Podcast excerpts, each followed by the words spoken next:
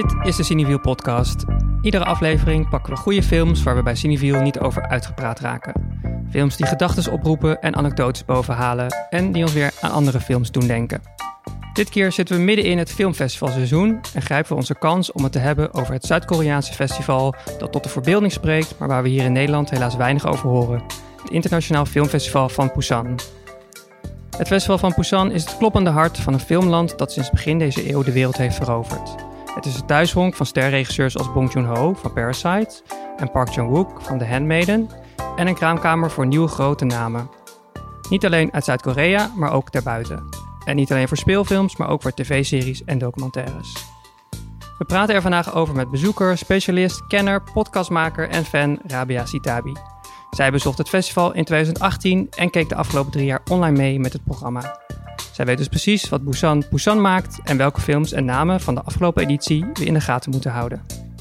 Oh ja, en omdat we toch met festivals in de weer zijn, spreken we aan het eind van de podcast ook nog even met Cedric van LIV, Leiden Internationaal Filmfestival. Dat is iets dichter bij huis en daar kan je vanaf deze week tot en met 7 november weer heel veel heen met je Cineviel pas. Mijn naam is Jesse Heijnis en ik ben redacteur van Cineviel. En bij mij aan tafel zit mijn collega Maan Milker en zoals gezegd dus ook Rabia Sitabi. Uh, en misschien hoor je op de achtergrond ook af en toe de passenprinter, want we zijn natuurlijk druk bezig met jullie pasjes te maken. Uh, Maan en Rabia, heel erg welkom allebei. Uh, Rabia, ik begin even bij jou. je zit hier tegenover twee heel jaloerse cinefielers, want jij bent wel ooit op het filmfestival van Busan geweest. in welke hoedanigheid was je daar? Um, ik was er toen eigenlijk meer als bezoeker. Um, de jaren erop dat ik het online heb bezocht, uh, was ik er als industriepersoon. Want ik programmeerde ook uh, voor, voor verschillende filmfestivals en events. Uh, maar toen, ik heb gewoon één keer, ik had één keer de kans om eventjes langs te gaan. En toen hebben we één filmpje gepakt. Mm -hmm. maar ik wilde het gewoon één keertje meemaken. Ja. Dat heb ik met, met Tokyo toen de tijd ook gedaan. En uh, eigenlijk is het het idee dat zodra het allemaal weer wat rustiger is met corona en dergelijke, dat ik dan ook echt met een industriepas uh, gewoon een keer een volle editie mee ja. ga maken. Ja. Want je zegt industriepersoon, wat betekent dat precies? Wat... Oh ja, dus um, als je als bezoeker gaat, dus mm -hmm. als een gewone filmkijker, dan is er een ander programma dan als je daar gaat vanuit de filmindustrie. En dat kan zijn um, uh, dat je een filmfestival hebt en films dus wilt programmeren of een distributeur bent in Nederland bijvoorbeeld, die films wilt inkopen. Dus er is ook een filmmarkt die plaatsvindt. De drie grote in de wereld zijn eigenlijk Berlijn, uh, Cannes natuurlijk, mm -hmm. Film du Marché, en, um, en Busan.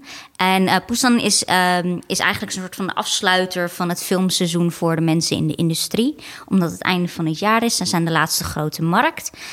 Um, dus je kan daar screeners krijgen of toegang krijgen tot films die niet de bezoekers kunnen zien. Oh ja. Dus de bezoekers, dat is het publieke gedeelte, ja. zeg maar, het openbare gedeelte. Daar kan je kaartjes verkopen. En het industriegedeelte, daar moet je ook een speciale pas voor hebben. Dan moet je voor goedgekeurd worden. Um, en uh, pers- en industriemensen krijgen zo'n speciale pas uh, om dan ook andere films te kunnen zien, eigenlijk die nog op de markt moeten komen. Ja. En zo ontdek je meestal nieuwe titels, nieuw talent, uh, opkomende titels, et cetera. Ja. Ja. Oké, okay, daar gaan we het straks nog even over hebben. Ja. Um, Maan, je hebt in een eerdere podcast verteld dat jij, toen hadden we het over Cannes volgens mij, dat je heel graag naar Busan zou willen voor het filmfestival. Wat, wat spreekt jou heel erg aan, aan die, aan die plek of aan het festival? Um, nou, sowieso omdat het naar mijn idee zo groot is dat je het gewoon een keer meegemaakt wil hebben als filmliefhebber. Dus dat er gewoon zo'n groot aanbod is aan titels, aan verschillende genres, aan subprogramma's. Weet je, gewoon een overload, daar hou ik altijd van. Mm. dat je aan het einde van de dag er spijt van hebt dat je naar bepaalde films niet bent gegaan. Het is natuurlijk zelfkastijding, maar het is ook heerlijk. Um, dus uh, ja, volgens mij heb je dat bij uh, Busan heb je dat echt uh, ten top. Mm -hmm. verder ben ik zelf erg geïnteresseerd in ja, heel veel verschillende niet-westerse films ook. En dat vind ik mooi aan Busan, dat ze daar ook... Um, nou ja, dat, dat daar hele grote titels met heel veel budget, dat die eigenlijk samenkomen met eh, titels uit landen waar gewoon een veel minder grote filmindustrie is, per definitie, waardoor je ook niet zulke grote budgetten hebt. En eh, wat ik mooi vind aan het festival is dat het dat best wel op gelijke voet plaatst. Um, en dat, ja, dat zie je volgens mij ook wel terug in wat voor films er dan um, ja, echt onder de aandacht worden gebracht. Dat het meer gaat om, om kwaliteit dan om uh, vriendjespolitiek, om het zo te zeggen. Mhm. Of oh, dat is een grote naam, dus die moeten we even naar voren schuiven. Ja. Um, dus dat, dat spreekt mij er heel erg aan, aan. Dat ik ook denk dat ik er heel veel films kan zien waar ik hier ook gewoon echt letterlijk geen toegang toe heb. Of ik moet uh, allemaal met VPN, allemaal streamingsdiensten.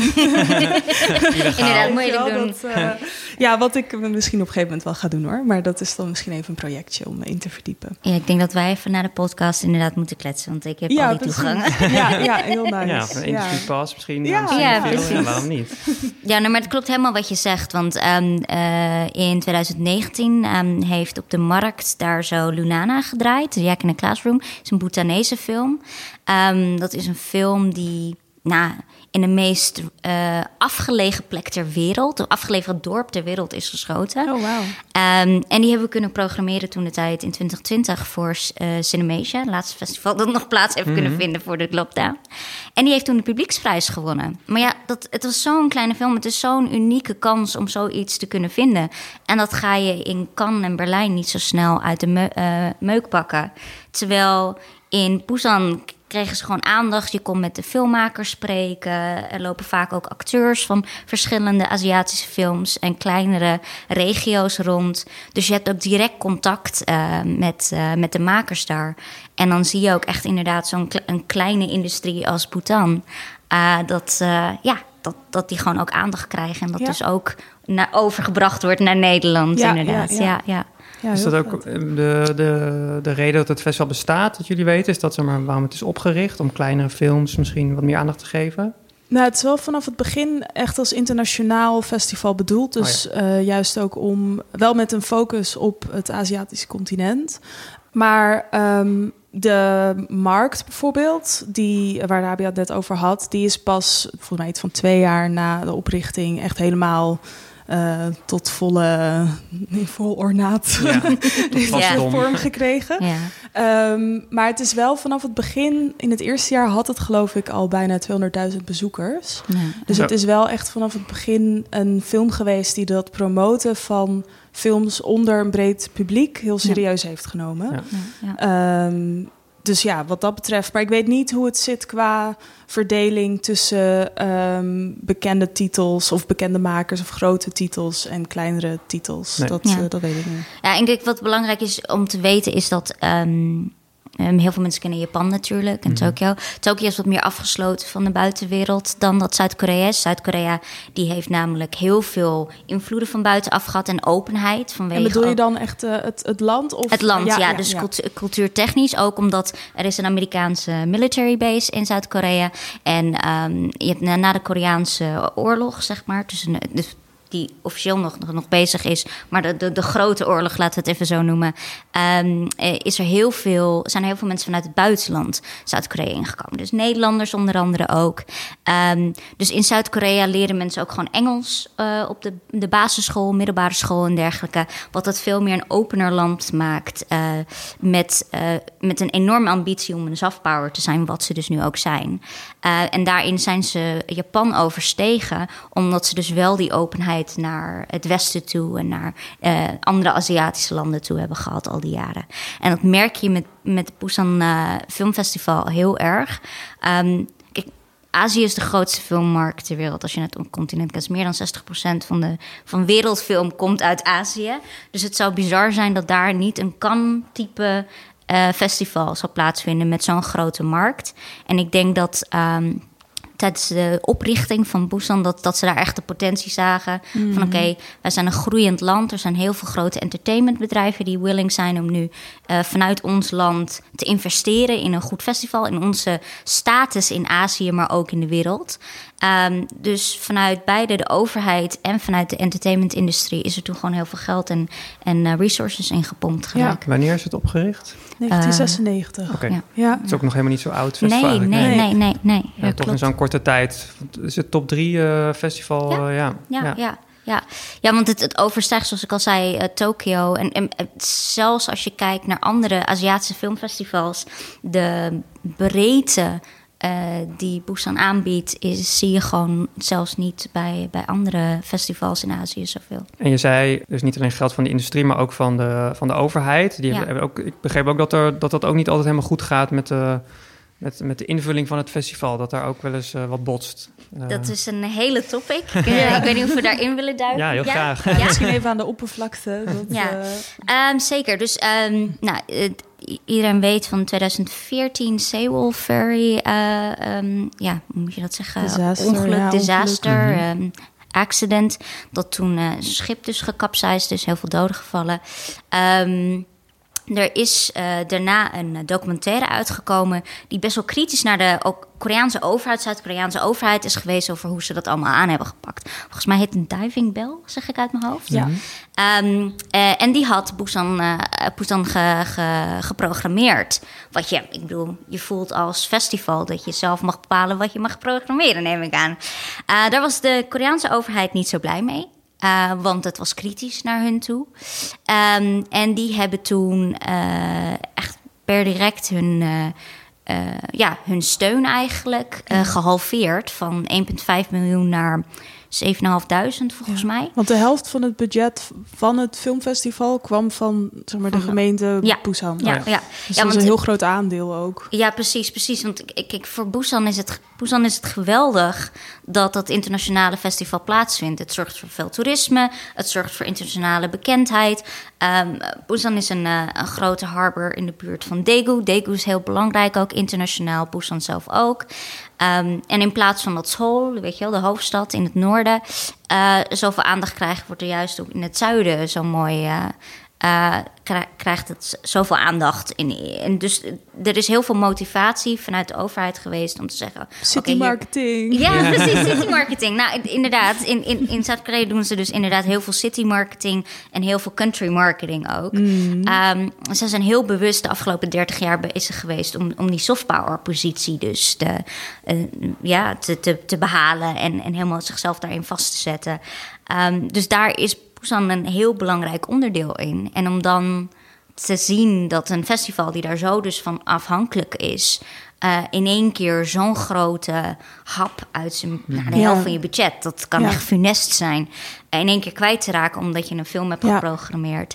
Dus toen kwam de vraag naar boven van oké, hoeveel vrijheid he- heeft Busan, eh, omdat ze zoveel government eh, Ja. steun krijgen, dus overheidssteun krijgen. En vooral ook ehm, vanuit de industrie. Gelukkig zijn er heel veel grote bedrijven in, eh, in Zuid-Korea. Ik bedoel, Samsung komt er vandaan, LG komt er vandaan, Hyundai komt er vandaan. eh, Naver, Katak, dat is een van de meest gebruikte chat-apps in Oost-Azië. Eh, dus die, die hadden zoiets van, we leggen wel bij. En er waren ook andere mensen uit de filmindustrie... en die hadden Ja. zoiets van, nee, we leggen wel bij. Maar dat werd dus een heel ding. En in, in Azië, is, vooral in Zuid-Korea, is het zo... als je eenmaal een keer gecanceld wordt eigenlijk... ehm, dan is daar niet een terugkomen van. Hier in het Westen kan je, zeg maar, publiekelijk... of door de overheid gecanceld worden, de zaakjes... en na een paar maanden toch weer proberen terug te komen. Eh, daar is het permanent. Dus ehm, de mensen die ook hun functie hebben verloren... Ja. eh, onder andere, volgens mij de directeur van het Ja. festival... ehm, eh, die Ja, waren die- gewoon echt permanent gewoon weg. Ja, Ja. en ik las zelfs dat ze nog eh, onder onderzoek zijn geplaatst van de politie eh, met betrekking op eh, steekpenningen. Ja. En dat dat ook door veel uh, filmmakers bijvoorbeeld wordt gezien als een teken van Ja. uh, ja, onderdrukking eigenlijk. Ja. Weet je al nog even een trap na te geven Ja, van ja, ja. uh, oké, je wilt tegen ons ingaan. Oké, nou dan weten we nog wel iets over jou te vinden. Maar daar was aan de andere kant bijvoorbeeld een van de bestuursleden van het Busan Filmfestival die, um, die was juist tegen het vertonen van uh, van de film. Dus die stond eigenlijk op één lijn met het bestuur van, uh, van Busan. -hmm. Dus ook binnen het festival was er veel verdeeldheid.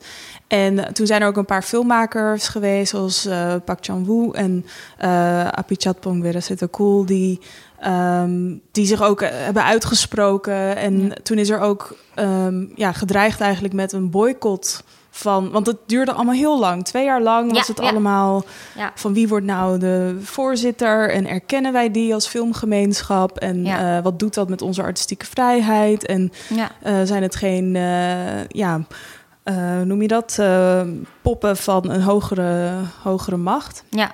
En toen is er een, ja, ik ga het even want het is een hele lange titel. De Korean Film Group's Emergency Committee for Defending eh, Busan International Film Festival's Independence is er Mhm. toen opgericht. Waar Wauw. de acht grote, ehm, ja, wat jij net al zei, de acht grote eh fundingsdingen en de grote bedrijven Ja. in de filmindustrie, die hebben daar eh, ja, de handen in één gestoken. En, Ja, en ja. bijvoorbeeld een van de voorwaarden was dan dat de burgemeester excuses aan zou bieden en ook herstel van eer van de festivaldirecteur Lee Yong-kwan, die eh, juist de film had laten doorgaan. Ja. Mm. En dat is er allemaal niet gekomen, maar ze hebben toch wel een soort van schoorvoetend die boycott echt een maand ervoor opgeheven. Ja. Ehm, maar ik heb wel het idee, zeg maar, wat ik lees, jij bent er zelf geweest, Mm. misschien is dat iets wat in de wan- wandelgangen veel eh, tastbaarder is, maar dat het sindsdien niet meer helemaal hetzelfde is. Nee, klopt. klopt. Dus dat, Ja. er, dat dat vrije gevoel van het festival, dat dat iets is ingeperkt en dat er nu een veel Ja. politiekere lading ook erin zit. eh, ja, wat wel interessant is. Ja, vooral dus inderdaad op het, op het publieke gedeelte van het festival. De markt gaat gelukkig nog steeds door. Mhm. Ehm, en even ter verduidelijking, die, die boycott die er was... Want waar volgens mij Bong Joon-ho ook Ja, aan mee heeft zeker, gedaan... ja. was niet naar, tegen het festival, maar Nee. tegen de overheid... omdat ze het festival eigenlijk zeg maar zo aan het Ja. teisteren waren... met, eh, met alle En eigenlijk hadden overgenomen ergens ja, ook. Ja, ja. En dit, dit, dit, deze hele discussie en eigenlijk dit hele geval eigenlijk wat er allemaal aan de hand is geweest met Busan heeft vooral te maken met inderdaad creatieve vrijheid. Wat mag je wel en niet programmeren? In hoeverre eh, moeten eh, fondsen die geld geven daar inspraak over hebben of niet? En mag een overheid of een burgemeester inderdaad eigenlijk wel bepalen wat voor films wel of niet gedraaid mogen Ja. worden op zo'n groot festival? Stel dat eh, in Cannes inderdaad Frankrijk zich er opeens Macron er opeens gaat, Ja, mee ja, gaat ja, ja. bemoeien, Ja. omdat hij, omdat hij in, in een van de films gemaakt wordt, bijvoorbeeld. Ik zeg maar wat. Ja, dat zou eigenlijk van een gekke af zijn. eh. Mhm. En, maar zoals ik al zei, het, het, het is iets dat, dat in, ja, in Azië eh, gaan die wonden dieper. En dus de, de littekens daarvan ook. Ja. En, en op de markt, eh, dus de, de filmmarkt, de industriekant, heeft het zich wel redelijk hersteld. Maar inderdaad, aan de publieke kant van dingen eh, merk je gewoon dat er veel, veel meer soberheid of somberheid inderdaad eh, is vergeleken met de jaren daarvoor, waar ze wel echt nog gek eruit gingen. En, Maar En bedoel je dan dat er geen, eh, misschien geen gala-premières meer zijn... of dat er bezoekers wegblijven? Of... Nou, er zijn nog wel premières en zo, maar ik zie inderdaad niet zo gek veel meer. ehm, want ja, ik bedoel, eh, Zuid-Korea staat bekend vanwege alle K-culture die er bestaat. Dus K-pop, eh, K-barbecue, alles waar je kaan voor kan zetten. Ehm, en je ziet dat eh, dat soort grotere namen ehm, toch veel voorzichtiger zijn Ja, met hun ja, ja, ja. eh, aanwezigheid ja. daar. Oh, ja. Ja. Ja. Terwijl je hebt best wel grote Hollywood-sterren, dus eh, Koreaanse filmsterren die nu met de Korean Wave meegegroeid Ja. zijn. Ehm, eh, die films hebben die op, eh Ja. op Busan draaien. Alleen, eh, ja, dat wordt niet meer. Het is niet dezelfde Nee. media circus of van, van, oh, ik ben zo trots om op Busan te zijn. Tenzij ze heel erg geallieerd zijn, dus met de overheid. Oh ja. Eh, want daar moeten ze ook weer voorzichtig mee zijn. Dus eh, ja, nou, je ziet wel echt een beetje wat mensen inderdaad wat terughoudender daarin. Ja. Ja. Kun je inschatten of dat eh, op termijn verandert? Of dat er ontwikkelingen gaande zijn van dat je denkt... oh, ze proberen echt wel weer het vertrouwen terug te winnen? Mm, nou, zoals ik al zei, dit is vrij permanent in, in Zuid-Korea Ja. als iets eenmaal gecanceld is. Ehm, kunnen ze er nog van herstellen? Ja, ik denk dat het gewoon nooit hetzelfde meer gaat zijn. Nee. Ik denk dat de markt altijd wel heel belangrijk gaat blijven. Want nogmaals, het is 60% van de, van de wereldfilmindustrie.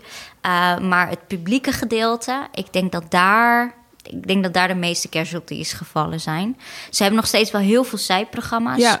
Asian Film Academy. En dat, eh, dat, dat loopt nog steeds heel lekker. En dat loopt nog steeds heel goed. Want wat houdt dat in, dat mentorship-programma? Ah ja, dus die Asian Film Academy is eigenlijk eh, een soort van koppeling van opkomende filmmakers uit Azië met al bekende uh, filmmakers uit Azië. Uh, vorig jaar volgens mij was bijvoorbeeld Joko Anwar, die onder andere Gundala heeft gemaakt, Queen of Black Magic, uh, in Pedigore, heel hele bekend. Hij is echt de grootste in Indo op dit moment. Um, je noemt nu wel drie titels die in Cineville echt nooit oh, nee. meer te zien zullen zijn. Dus, uh, Turn it. ja. Nee. Ja, Gundala heeft daar de Cinemation gedraaid, onder andere.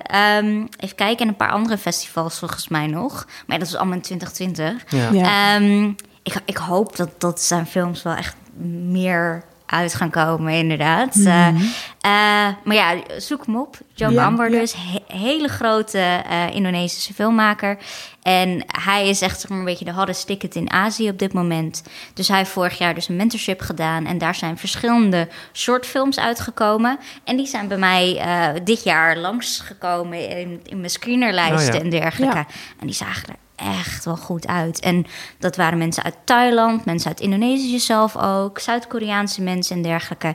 Dus dat mentorship-programma, dat de Asian Film Academy, is echt om, om te zorgen dat uh, Aziatische film door blijft groeien ja. eigenlijk. En je dus- hebt dus de markt en je hebt het publieksdeel, uh, mentorship-programma. Want, want, wat soort uh, filmprogramma's, ja, waar, welke categorieën zijn er eigenlijk als je naar het festival gaat? Waar kun je uit kiezen een beetje? Kun je daar iets, iets meer over vertellen? Oeh, ja, dus zeg maar... Um, ik denk heel veel keuze ook. Ja, het is echt heel veel keuze. Ik pak inderdaad even het lijstje eruit. Um, want uh, vooral even naar, naar het openbare gedeelte mm -hmm. kijken. Dan heb je allemaal programma-onderdelen inderdaad. Dus je hebt... Uh, um... World Cinema, waar ja. dan juist oh, alle titels in staan die ja. hier in Nederland absoluut niet worden aangemerkt als World Cinema. Zoals, Inderdaad. Uh, de Florida Project van Sean Baker. Dat, oh, ja. Uh, ja. dat vind, ik, ja, vind ik altijd wel gaaf om te zien hoe dat dan eventjes in perspectief wordt soort, geplaatst. Uh, wereldcinema, ja. Ja, van... ja, precies, precies. Um, uh, nou, je hebt de gala. Gala is echt eigenlijk meer uh, grote namen, meestal een opening, een sluiting. De, dingen die je ziet van oké, okay, dit zijn de, gro de grote waarmee we aan de slag gaan. Dus vorig jaar had dat bij wijze van spreken. Minari zat erin, zag ja, ik, ja. van oh, ja. Lee Isaac Chung. Ja, precies. Die, die het goed heeft gedaan ook in Cinefiel. die gaat daar dan niet in wereldpremière, maar die nee. wordt dan wel naar Busan gehaald om ook nog even daar de aandacht ja, uh, ja, te precies, trekken. Die ja, wordt dan belicht, inderdaad. Ja. Um, icons is eigenlijk mensen zoals uh, Wong Kar Wai en dergelijke, die gewoon ook extra belicht worden. Mm. Of als zij een nieuwe film uit of een short uitbrengen, dat die komen automatisch dan in de, in de icons uh, uh, sectie terecht. Mensen die gewoon heel iconic zijn mm -hmm. en wel bekend zijn, inderdaad. Uh, je hebt een window on Asian cinema. Um, dat is eigenlijk een. Oh, sorry, ik ga er verder naar. dat is eigenlijk een, uh, een heel interessant. Uh, daar kijk ik het meest naar. Ja. Dat zijn eigenlijk nieuwe ontdekkingen. Dat zijn niet mm. per se gevestigde filmmakers, maar dat zijn filmmakers van, nogmaals, all over Asia. Ja. Die, die, waar ze gewoon heel veel potentie in zien. Mm -hmm. En dat hebben ze dan uitgecureerd al voor je. En daar kan je bijvoorbeeld, zoals ik al eerder noemde, zo'n Lunana tussen vinden. Ja. Dus de, ik zie hier inderdaad ja. Hummingbird van Kim Bora ertussen staan.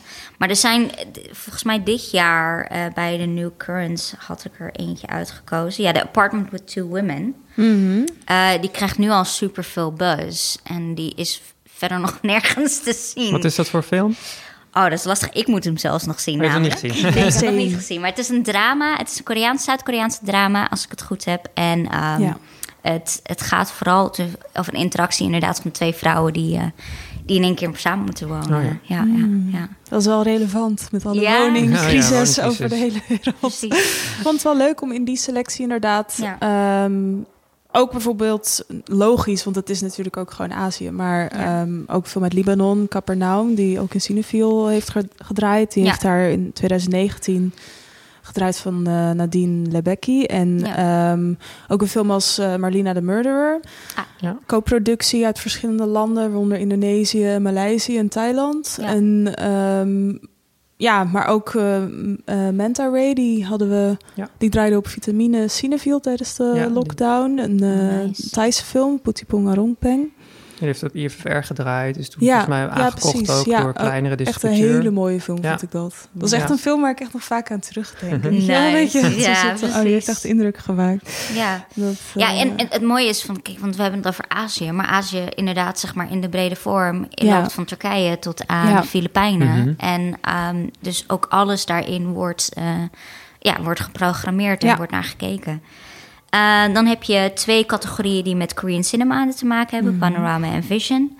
Nou, er wordt vooral gekeken naar wat, wat gebeurt er binnen Zuid-Korea. Daar heb je hele, wat ik noem mainstream titels zoals eh, Okja. Okja, inderdaad, Ja, Burning, eh, eh, eh, en The Witch, eh, Subversion, The Witch Part 1. Daar kijk ik enorm naar uit, wat eindelijk ooit hopelijk Part het two. Part 2 uitkomt.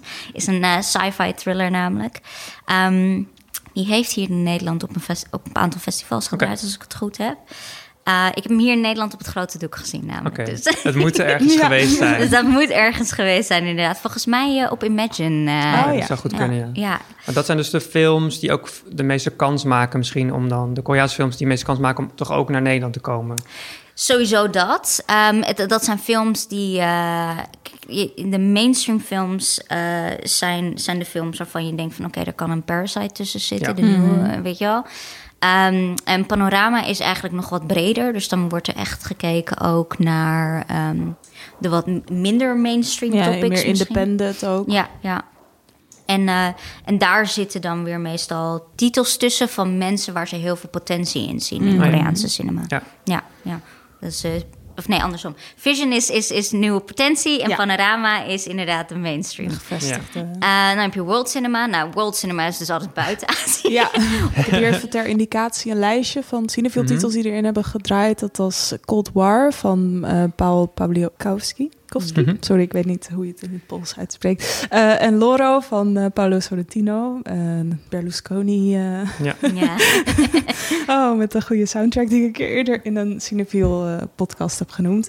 Florida Project, ik noemde het net al, Sean Baker. The Square Ja. van Ja. Ruben cinefiel titels die Ja. je eigenlijk noemt. Ja, Zama van Lucretia Martel en Arrival, wat ook echt zo'n hele grote film is Ja. eigenlijk. Ja. Van Ja. eh, Villeneuve, die nu natuurlijk met eh Dune. Dune inderdaad eh, Ja, ja. hard gaat. Ja. Ja, en dan inderdaad, even kijken. Flash Forward is, ehm, is meer een competitie. eh, ja, en ik vond het leuk dat daar ook films tussen zaten zoals Rafiki, een Keniaanse Ja. Oh ja. film van eh Wanuri Kaiu.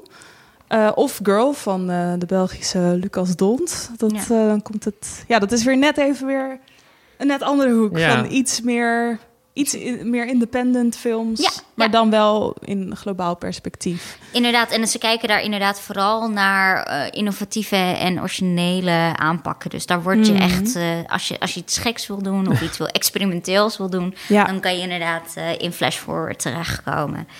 Ehm, dan hebben we Wide Angle. Nou, dat is gewoon heel. Het is, het is eh, shortfilms, documentaires en gewoon heel breed eigenlijk. Mhm. Ehm, open cinema is eh, internationale films ook, nieuwe films.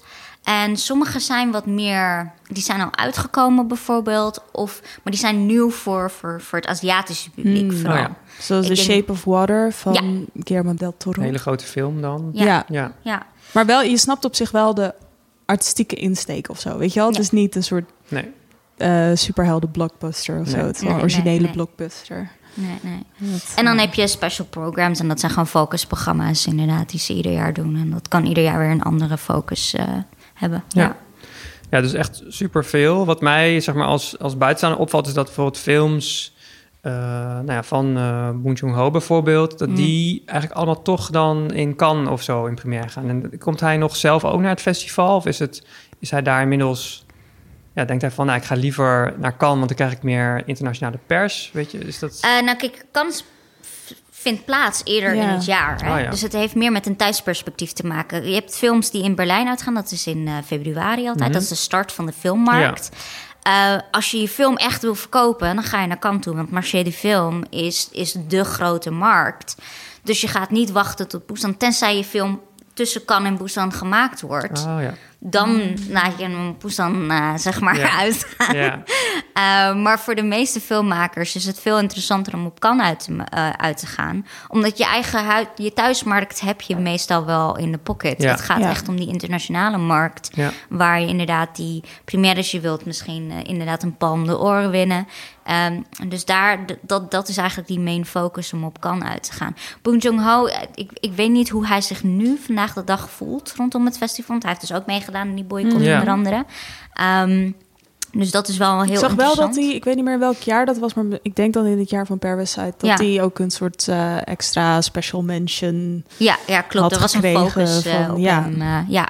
Ja, hij heeft inderdaad zo'n special focus eh, programma op hem gericht gehad. Ik denk dat het vooral interessant is. eh, kijk, hij, hij komt sowieso wel uit met zijn films op Busan. Ja. Ehm, ik denk dat het voor hem vooral, omdat hij nu dus groter is en internationaal doorgebroken, om gewoon inderdaad eh, altijd op, op Cannes uit te gaan. Dan haalt hij inderdaad meteen de prijzen mee binnen. En dan heb je gelijk je film verkocht, dan is het klaar. Ja. Dan hoef je niet nog een keer. niet iedereen gaat naar Busan, maar Nee. iedereen gaat wel naar Cannes. Ja, precies, ja. En ehm, nou, je hebt dit jaar dus ook weer meegekeken met het festival. Eh, ehm, ik zag bijvoorbeeld staan Heaven to the Land of Happiness, de openingsfilm. Heaven was de openingsfilm eh, dit jaar. En dat is met ehm, eh, de acteur van, eh, van Oldboy onder andere. Dat moet Oh, wel ja. een titel zijn die jullie kennen. Ja, Ja. zeker. Ja, Ehm, en, eh, en dat is heel interessant om te zien, want dit is een, niet een actietriller of een heftige horror of iets en zo. Dus het is fijn om hem in een wat rustig... Hij is nu wat ouder natuurlijk. Oh, ja. Dus hem in een wat rustigere film te zien. Ja. ja. Ja, want de Dus, eh, vorige film van eh Im Song-so, die, die het heeft geregisseerd, The Housemaid uit 2010, die was geloof ik wel in, in Cinefield zien. En daar speelt eh Lee Jang-jae, die in ehm, Squid Game de hoofdrol speelt. Ja. Die speelt daar dan weer Daar de is hoofdrol. Squid Game. Ik dacht, hoe lang gaat het Ja, duren? bingo! Ding, ding, ding. We hebben het genoemd.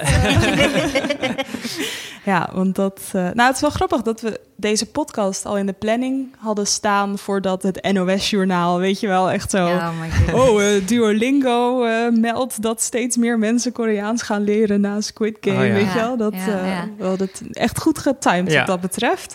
Ja, Dat, eh, We gaan het Ja. straks ook nog een beetje over hebben, inderdaad. De Ja. Koreaanse golf die, die al een tijdje gaande is. En nu Ja. zelfs dus de NOS heeft gehaald. Nou, dan weet je dat je er ongeveer bent.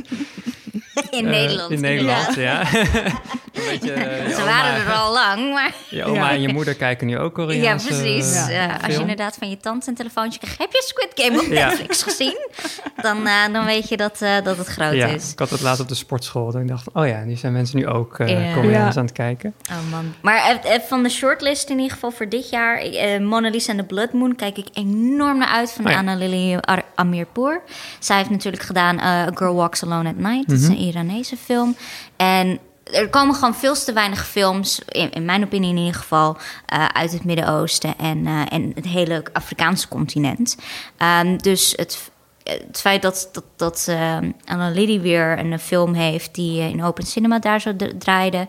En gewoon überhaupt dat er, dat er investeringen plaatsvinden, dat ze, dat ze meer films Ja. kan maken, is, eh, is altijd prachtig om te zien. Want ja, dat, dat was gewoon zo'n goede film. Ja. Dat echt eh, zo'n goede film. de noir, vampieren. Ja, film, ja. ja. maar feministen Ja, ook feministisch, inderdaad. ja. Ja, ja, zeker, ja, ja. zeker. Ik zag dat bij deze film, bij Mona Lisa, dat... eh, ik weet niet of het een Amerikaanse film is, maar ik zag ook dat er een- de hoofdrolspeler uit Burning, waar Maan alles van weet, een Ja. scriptie over geschreven, Ja, dat die ook een rolletje heeft in die film, eh, eh, Mona Lisa en the Blood Moon. Maar ik, zag, ook- ik ging het een beetje googlen, omdat ik was benieuwd van... oh ja, is het dezelfde actrice? En toen was, zag ik allemaal fans van haar die zich een beetje zorgen maakten over haar... want er waren setfoto's opgedoken dat zij heel ongelukkig keek. Oh, Oh. Dus ik weet niet of ze... misschien zat ze gewoon heel erg in haar rol. Ja, dat zou kunnen. dat ja. kan, zou kunnen. Ja. Misschien taalbarrière ook. Kijk, Ja. het is helaas nog steeds zo dat... ehm, je kan bijvoorbeeld de grootste acteur nu zijn ter wereld... letterlijk met Squid Game. Ja. En dan op een Amerikaanse set terechtkomen... en nog steeds als een derde, vierde rangs persoon eh, behandeld worden. Dus eh, dat is helaas voor A- Aziatische acteurs eh, nog steeds de, de realiteit. Ja. Ja. Ja, Ja. ja. Even kijken, wat heb ik verder nog dat ik uit wil lichten? Ja, Why is the Sky Dark at Night? Want het is een Bhutanese titel. Ah, nog. En eh, Van dat Kelzang Dorje. ja, Jay. Eh, het is eh, voor mij altijd heel interessant om dingen uit dat soort kleinere eh, regio's Ja. te zien. Waarom? Ik denk dat, dat ze daar juist extra creatief zijn Mm. om hun verhaal te vertellen. Juist omdat er zo weinig ehm, resources eh, Ja. beschikbaar zijn. Ja. Ja, ik vond het ook wel vet dat... eh, in 2019 was dat geloof ik, toen hadden we het ook in de podcast genoemd. Dat, ik zag dat die film ook op, eh op Busan heeft gedraaid en er ook een prijs had gewonnen. Dat Bulbul Can Sing van Oh ja. Rima Das. En zij komt helemaal uit het noorden van India, ook Mhm. Ja. uit een taalgebied wat gewoon niet gerepresenteerd is, ja, zeg maar. Noordoosten. Ja, en, dat, ja. en dat is toen wel in Nederland uiteindelijk aangekocht. Ja. Ja. Je hebt ook een hele lijst met ehm, ja, films eigenlijk die in het verleden hebben gedraaid op Busan. Ja. Ehm, zitten er dingen tussen waarvan je denkt... oh, die heb ik toen gezien en die heb ik geprogrammeerd op een van de festivals... en daar was ik echt heel blij mee. Die misschien de cinevieler helemaal totaal gemist heeft. Oeh, eh, ja, nou, iedereen kent In the Mood for Love and Work. Right? Ehm, Luister vooral onze podcast. special. Eh, je hebt de animatiefilm José the Tiger and the Fish. En dat is een hele leuke anime ehm, van Kotaro Tamura eh, over disability. Eh, vooral. Ehm, hele zware eh, anime short heb je ook nog The King of Pigs. Dat is een Zuid-Koreaanse van Jong Tang-ho. Eh, daar zitten wel allemaal trigger warnings aan, maar die is infamous in, in anime en shorts categorie. Ehm, ik ben een enorme fan van Hitoshi Matsumoto. Eh, dus films zoals Simburus, eh Scabbard Samurai. eh, die hebben ook op verschillende festivals in het verleden gedraaid hier in Nederland. Symbol, hoe, hoe sprak jij het uit? Ah, Dat is, die hebben we ook op Vitamine Cineviel Ja. gehad. Ja. Eh, ik weet nog dat ik die film op Imagine heb gezien. Ah, kijk eens aan. Dat was toen nog in Criterion op eh 35 mm. En toen begon de tweede helft of zo. En toen hadden ze per ongeluk de rol verkeerd omgedraaid. Waardoor het beeld op zijn kop was. Oh, en je dacht gewoon en dat het het... einde. En toen dacht iedereen, dacht, oh, dat hoort erbij. En toen na Wij 10 zaten minuten... in dezelfde Oh, echt? screening. ja. Toen dacht je, oh, dat hoort erbij. En toen toch na 10 Wauw. minuten, jongens, eh, gaan we naar huis. Want dit eh, gaat er niet meer worden. Nee, ik werkte toen ook voor Imagine. Ah, dus kijk. dat was, en, dat was, ik zat in diezelfde screening inderdaad. En ik had hem gelukkig al een keer gezien. Maar dat, toen was het echt zo van, ja, grote Shit. zaal, in paniek inderdaad. Maar het is wel, ja, het- heeft best wel een tijdje geduurd voordat het goed kwam. Maar ik, heb, ik hoop dat mensen hem daarna nog Ik steeds ben eh, hebben twee gezien. dagen later alsnog gegaan. Ah, oké, ja, toen had ik nog zeven van tijd. En ben ik van, nou, we gaan Ja. gewoon alsnog proberen. Ja, precies. Eh, je hebt de The Man from Nowhere. Dat vind ik een prachtig verhaal. Eh, ja, de host van Boon Jong-ho is geweldig. Ik heb nog Eh, tijd voor twee tips. Oh, nog twee. Oh, my goodness. Eh, oh, dat is Ja, want even ter indicatie hebben we hier echt een lijst Ja. met echt heel, Heel veel titels Dan die ga jij ik, had eh, aangedragen. Inderdaad, dan ga ik Bahubali noemen. Die, ik weet niet of die nog steeds op Netflix staat, maar je hebt daar de beginning en de conclusion van. Is Zuid-Indiase ehm, epic story, een van de duurste films ooit in Azië gemaakt. Eh, toen de tijd was het zelfs de duurste film ter wereld. Ehm, is een- 2015 en 2017. ja, dus ieder drie uur. Het is een soort van Hercules-verhaal. Gaat gewoon kijken, echt waar. Iedereen die ik het ooit heb aangeraden is er helemaal gek van. Is dat zo'n film met van die crazy CGI-achtige dingen? Ook, van, eh, ja, oh ja, ook, ja. ook. In, onder andere, onder andere. Ehm, oh, man. Nee, dit waren er eigenlijk al Ja, twee. er waren er eh. twee. Nee, Zijn er al twee, nee, je mag nog wel eentje snel. Ehm, nou, dan laat ik dan eh, Uncle Boomy inderdaad Ja. noemen. Van, eh Api van, Chatpong Vera Setako. Dankjewel. Eh dat is zo'n aparte film. Zo'n leuke ervaring. En zo weird, maar, zo- maar geweldig. Ja, ja. Ik vind wel, ik heb wel het idee dat dat bij veel cinefielers ook wel een film is die wel echt op hun hor- horizon staat, weet Ja. je wel? Ja, Dat je ja. soms even in het ochtendgloren Ja. aan het fietsen bent en Ja. opeens denkt van, wow, ik hoor die Krekels, krekels.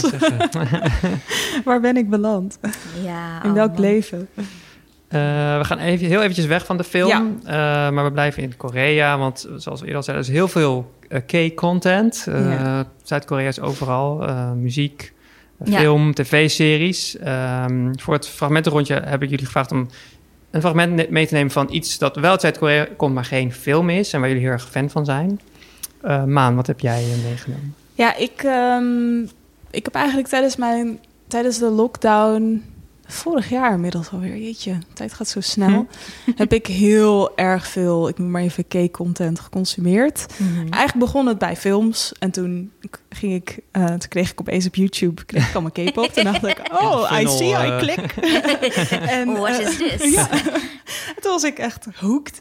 Ehm, en daar zaten weer allemaal een soort variety shows en spelshows omheen met die K-pop idols. Ja, ja. Eh, en daar zaten dan, weet je, dan was het altijd zo van, oh, een K-pop idol en een acteur of en een eh, comedian of wat dan ook. En dan dacht Ja. ik van, oh, wat een gezellig persoon. Ik ga nog meer opzoeken van diegene. En dan was er gewoon een soort eindeloos aanbod aan heel erg veel spelshows en, en kookdingen en Ja. gewoon je, verzint het Mhm. en het is er. Ja. En een van de dingen waar bij mij heel veel samenkwam was Three Meals a Day Mountain Village. Is de super-Koreaanse titel? Nee, dit is de Engelse titel. uh, uiteraard, uit 2019. En um, dat Three Meals a Day, dat is een langlopend format...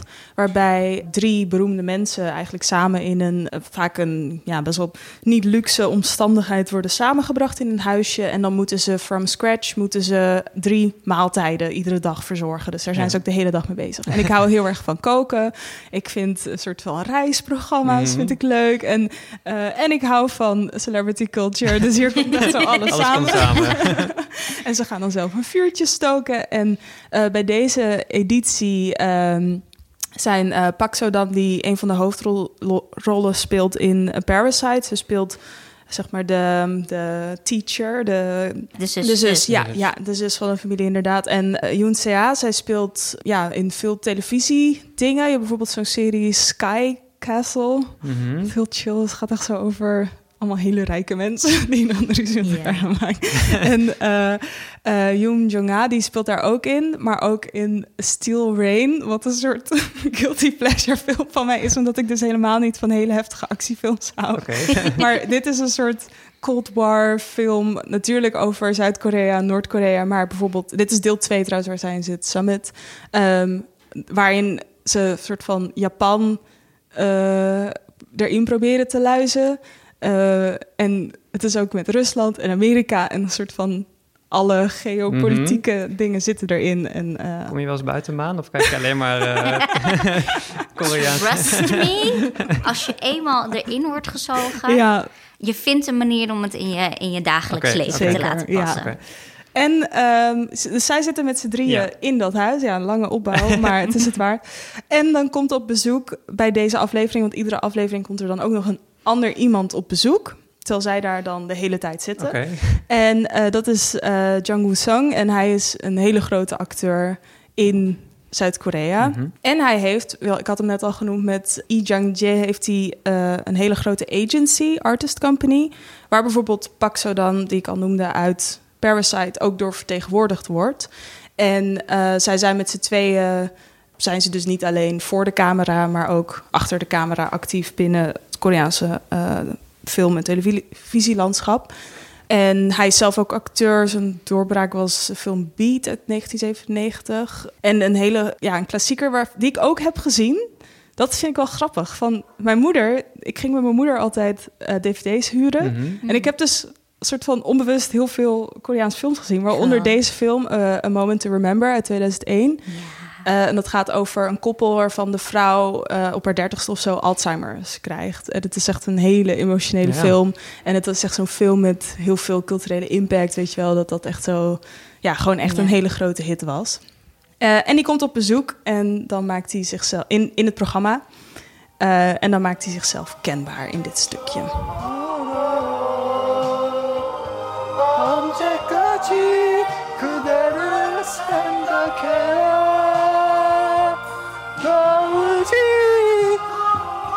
않나 그러나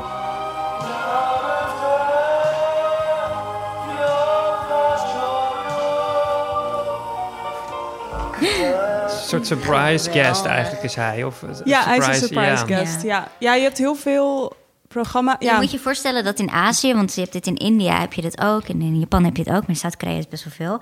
Ehm, in plaats van zeg maar normale late night talkshows Mhm. en dergelijke, eh, zetten ze mensen eigenlijk in quote-unquote normale mensensituaties. Ah, Ehm, en dan als je inderdaad als K-popster of als K-acteur eh, iets te promoten hebt, dan kom je dus te gast Ja. op zo'n programma Ah, ja. om jouw ding eigenlijk te promoten. Ja. Dat is hoe hun marketingcyclus werkt. ja, en ook om die sympathie te kweken. Inderdaad. weet je Gewoon dat je gewoon Ja. normaal bent. Dat je gewoon... Ja. Ja, ja, ja. Ja, want het, het, het hele ding is daar ook ehm, eh, de, het, het sentiment van het land naar jou toe. Mhm. is bepaalt hoe, hoe populair je kan worden en eh, hoeveel geld je kan krijgen Ja. en hoeveel uiteindelijk van je verkocht wordt. Ja. Dus mensen zijn ook de hele dag neighbor searches, dus dat is de lokale Google daar zeg maar een beetje eh, aan het bijhouden. Want hè, als je trending topic bent, dan, hè, dan kan, je, kan je meer sponsorships en zo binnenhalen bijvoorbeeld. Of dat betekent dat, eh, dat Ja. je je company het goed doet. Dus ehm, En dat wordt dus ook actief ingezet door fans. ja. Dat ze dan bijvoorbeeld eh, terwijl ze naar school gaan of terwijl ze aan het slapen zijn, gewoon eh, bijvoorbeeld dan eh, dat nummer van jouw favoriete idol op repeat zetten. Ja. Ehm, en ja, zeg maar, de streamingsdiensten vinden dat niet zo chill. YouTube bijvoorbeeld. Dus Mhm. die verwijderen ook weer heel veel accounts specifiek die op K-pop getarget zijn. Weet je wel, dus het is allemaal. Eh, daar zit ook weer. Ja, ja.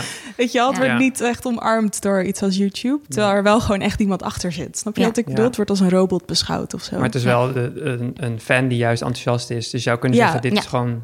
Wat, Dit- dit ja. is wat het is, toch? Ja. Ja, ja. Ja. En je moet je voorstellen nu, om een, iets heel relevants te noemen, eh, met eh Bangtan Sorida, oftewel BTS, Mhm. en die nu heel groot zijn. En ze hebben hun fan, eh, fanbase, die heten de Armies.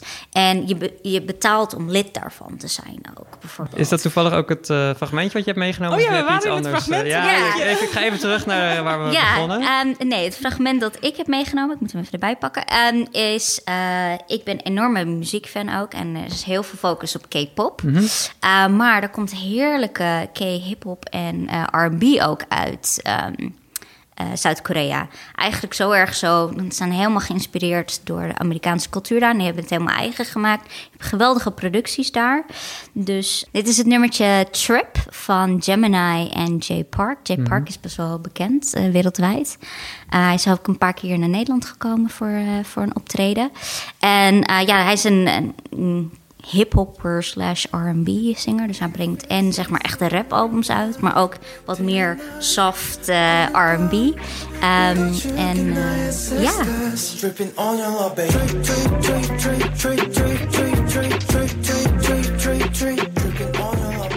Dit is een, een van de meerdere recentere nummers, maar als je wat terug in de tijd gaat, klinkt het echt als een soort van jaren tachtig R&B, wat wij zeg maar uit Amerika bekend, Oh ja. uh, weet je wel, gewend zijn.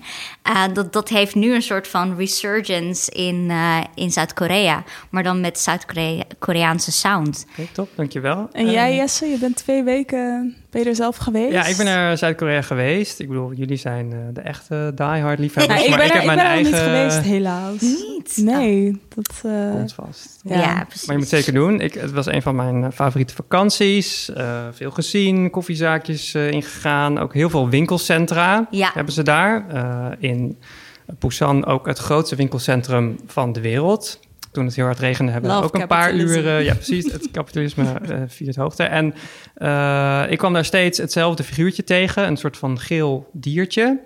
Uh, en het, ik, ja, het trok mij aan. Uh, ik, ik, wist ook niet wie het was en wat het was. Uh, maar hij was overal, net als Mickey Mouse of, of, Minions, weet je wel, zoals wij die hier hebben.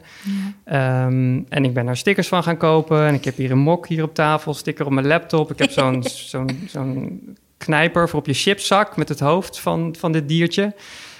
Hij heet Ryan, Ryan the Lion. Ik dacht altijd dat het een beertje was.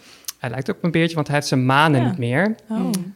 Um, en Ryan is een van de ja, mascottes van, ik ga het verkeerd uitspreken, Cacao Friends. Ja, cacao. Of tenminste, uh, Cacao is dan een, uh, ja, een internetgigant in Zuid-Korea. Ja. Uh, Rabia, jij vertelde me net al veel meer erover. en, en hij is gewoon een van de mascottes, een van de emoji die je kan gebruiken om uh, ja, iets naar leuks naar je vriend te sturen. Ja. En ja, blijkbaar in Zuid-Korea zijn ze helemaal gek op hem. Je hebt ook hele, uh, hoe zeg je dat, flagship stores met Ryan, Ryan Café, Ryan lollies, Ryan kleding, Ryan pyjama, Ryan alles. En ja, ja ik ben een beetje verliefd op Ryan. En, ik heb, ja, Ryan praat niet. Ik heb wel op YouTube een fragmentje gevonden van uh, hoe, dat Ryan wordt voorgesteld aan het grote publiek. En wat je nu hoort is dat Ryan heel erg hard aan het nadenken is, omdat zijn vrienden een probleem hebben en hij heeft beloofd om te helpen.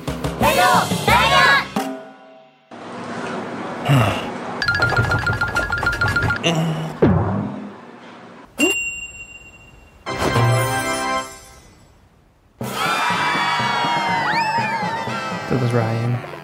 Wauw. Ik ben fan. Een beetje Lucky de Leeuw-achtig. Ja. Uh, ja. ja, heel schat. En ja, iedereen, als ik dan die stickers op mijn laptop heb en dan komen, uh, komt kleine neefjes of nichtjes komen op bezoek zeggen, oh, wat een lief beertje. En dan heb ik altijd in mijn verhaal klaar van, nee, dat is Ryan, de lion. Het is een leeuw en hij is zijn manen ver verloren. We gaan weer even terug naar de films. Uh, en misschien ook een beetje meer, maar we hadden net ook al gezegd, er is een Koreaanse wave mm -hmm. uh, gaande. De Koreaanse golf die uh, al een paar jaar, misschien sinds begin deze eeuw, de wereld, eh, nou, ik moet zeggen overneemt, maar overspoelt. Mhm. En in het Koreaans noem je dat Hallyu. Hallyu. Hallyu. Ja. Dus dat komt inderdaad van het... Ha- Hallyu is inderdaad, ehm, ja, definition Korean. Ehm, en ze zijn ehm, heel actief in de jaren negentig begonnen... met eh, het opzetten van hun entertainmentindustrie. En zoals ik al zei, het hele land werkte daaraan mee... Eh, want Zuid-Korea moest zichzelf van niks opbouwen. Ze waren een derde wereldland 40 jaar terug. Ehm, dus alles wat nu in Zuid-Korea bestaat. En ze hebben vanuit de overheid en inderdaad vanuit de industrie en alle grote bedrijven die zich hebben gevestigd en opgezet in, in de afgelopen 40, 50 jaar. Ehm, is allemaal in een sneltreinvaart gegaan. Ze zijn wat soepeler geweest in eh, regulering, zijn makkelijker geweest in dingen bouwen en doen. Om ervoor te zorgen dat, dat die Hallyu, die Korean Wave, dus plaats kon vinden, zodat ze ja, die golf naar het westen konden brengen. Want daar is het geld. Dus dat wil je als soft power, wil je het geld naar je land toe trekken. En eh, China is een grote markt natuurlijk. Ehm, en daarnaast is eh, eh, Zuid-Amerika, Brazilië is een grote markt. India is een grote markt. En eh, Amerika is een grote markt. Dus in de jaren negentig begonnen ze met hele foute... Ik weet niet of mensen GOD of HOT nog kennen... maar inderdaad een beetje kopiëren van... eh, ehm, eh, zwart-Amerikaanse hip-hop en RB groepjes en zo.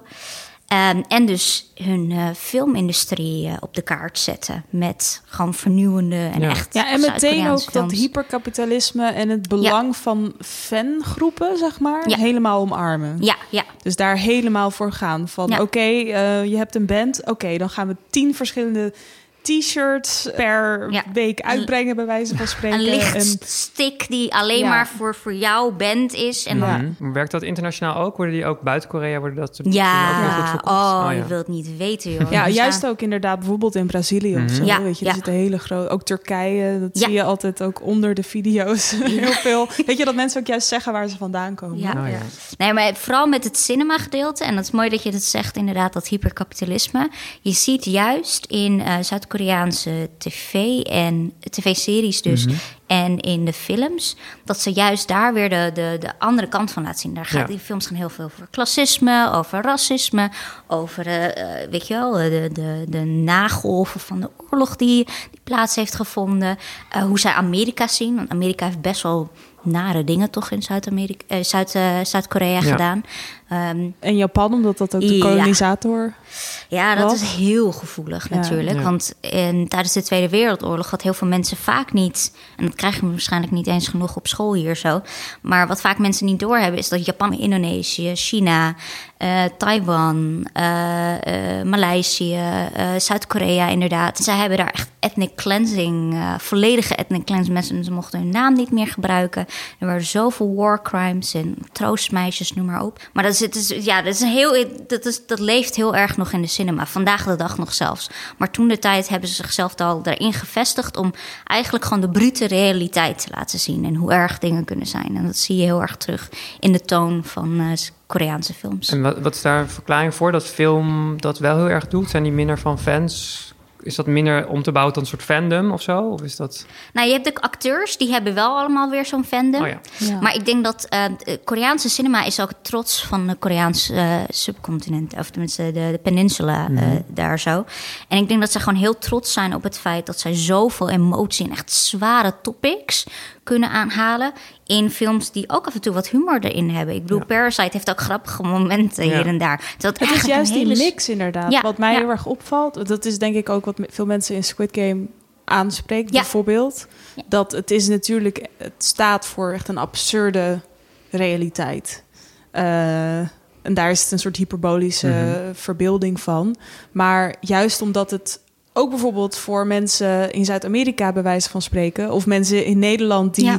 eh, misschien niet op die manier met schulden te maken hebben... zoals dat nu in Zuid-Korea aan de hand is. eh, maar die bijvoorbeeld wel snappen van... oh ja, het, het kan ook allemaal zomaar omslaan en weet ik veel. Weet je, dat, Ja, ja. dat het dan ook heel erg soort bevrijdend kan zijn... om met dat soort onderwerpen bezig te zijn... op een manier die ook humor in zich draagt. Ja. En dat is wel iets wat ik zelf een beetje nog ongrijpbaar vind... hoe dat nou inderdaad precies in Zuid-Korea... ook cultureel gezien ligt, weet je al. Ook omdat het is ook een hele conservatieve maatschappij. Weet je, Ja. als je dan kijkt naar homoseksualiteit. Ja. Dat, dat is echt iets wat... Feminisme ook in algemeen. Feminisme, ja, Ja. wat, wat heel ingewikkeld is. En natuurlijk enorm klassevers, enorme klassenverschillen. Echt gewoon niet te vergelijken met Nederland. Ja. Weet je ja, je hebt Dat- de chables, je hebt de middenklasse en dan heb je de low, low class. Is eigenlijk echt zoals je in Parasite ziet. Ja, precies, Je hebt de mensen inderdaad die de, de pizzadoos in elkaar zetten. ja, die en dan in kelders wonen. Ja, precies. En in kelders wonen. En, dan heb je daar tegenover staan dat mensen inderdaad in Gundam in een superduur huis eh, wonen. Ja, ja. dat is iets heel visueels en dat is iets heel. Eh, ja, iets wat in film heel metaforisch ook voor zich spreekt. Ja, Weet je, die ja. hele grote verschillen. Dat is natuurlijk ergens ook vaak het. eh, als je kijkt naar narratieven, is dat een soort van de drijvende kracht, dat soort contrasten. Ja. En als dat heel erg eigen is aan je samenleving ook, Ja. dan is dat gewoon ook een heel erg bruikbaar middel om die verhalen neer te zetten en om ze ook aangrijp. Of weet het, eh, toegankelijk te maken. Ja, en om terug te gaan naar het Hallyu-gedeelte, want waarom slaat het zo aan? Is zeg maar al die elementen, eh, ze laten de pijnpunten van de wereld, de maatschappij en de wereld eigenlijk zien. Ja. Lagere, midden, middeninkomens vaak, eh, klassenverschillen inderdaad, ehm, eh, culturele issues waar n- 80% van de wereld mee, mee te dealen heeft. Ehm, en zij brengen het op een manier, omdat het vanuit een Aziatisch principe is gebracht, dus meer vanuit de eh, samen zijn en niet het individualisme. Ehm, kan je, kan je inderdaad in Brazilië zitten en denken: Oh, ik, ik begrijp deze mensen. Ik begrijp de taal niet, maar ik begrijp deze mensen. En dat heeft ervoor gezorgd dat die Hallyu-wave zo, zo wereldwijd zo breed is gegaan. Ja. Want er zitten mensen letterlijk inderdaad in Chili, in, eh, in Ni- Nigeria zelfs, die nu Koreaans aan het leren zijn. Eh, omdat ze zich zo aangesproken voelen door de content inderdaad in Koreaanse cinema en series. En daarnaast de muziek, muziek ook misschien geweldig vinden, bij een fandom zitten. Omdat het, het spreekt hun cultureel ook aan. Ja. Ehm, je, je begrijpt wat er verteld wordt, want jij hebt het zelf ook meegemaakt. En daarom, dus die connectie gaat veel dieper eigenlijk. En daarom zijn zij echt een, de tops of power op dit moment ter wereld zelfs. Ehm, en is, Amerika is echt een hard power. Zij hebben eh, daadwerkelijke power, economisch Ja. en, eh, ehm, en overmacht, zeg maar, in Ja. de wereld. Waar eh, Zuid-Koreaanse content is gewoon een warm bad eigenlijk, waar je in terechtkomt. En ja, je kan kijken wat je daaruit fijn vindt... als je maar inderdaad de mensen blijft respecteren. Ja. Ja. Ik haal het even terug bij Cineville. Als je kijkt wat daar te zien is aan Koreaanse Ja. films, dat is niet heel veel. Uh, maar we hebben wel ja, de best bezochte film met een Cineville pas ooit is gewoon Parasite met afstand. Ja. Uh, nou ja, dat heeft dan waarschijnlijk ook te maken met Cannes, met een Oscar, met inderdaad. Uh, en daarna ook dat mensen denken: oké, okay, dus blijkbaar ook voor mij dat ze dan die connectie hebben waar jullie het net over hadden. Ik had daar ook heel erg dat word of mouth gevoel. Ja. ja. Dus ja. ik heb daar, ik heb heel veel mensen die zeiden in een gesprek van... wow, heb je Parasite Ja. gezien? Weet Ja, je wel? ja, dat, ja. Ja, het waren ook nog meer bezoeken geweest als corona niet. Want maart Ja. 2020 draaide die ook nog Ja. volop. Ook nog zwart-wit, dat was, kwam ook nog uit. Ja, klopt, klopt. Ja. Ehm, en verder, ja, we hebben Burning, was ook een, was ook een hit. En eh The Handmaiden was Ja. ook een hele grote. De, Eh, specifiek de Park Chan-wook versie heb je het dan nu over. ja, zeker. Ja, ja. Ja. waar ook dat eh, koloniale Japanse Ja. eh, onderwerp heel erg eh, ja, belangrijk is. Ja, ja. Ehm, en nou, we hebben Train to Busan, dat is een wat kleinere film dan in Cineville. Een genrefilm die dan op niet heel veel plekken draait. Maar ja.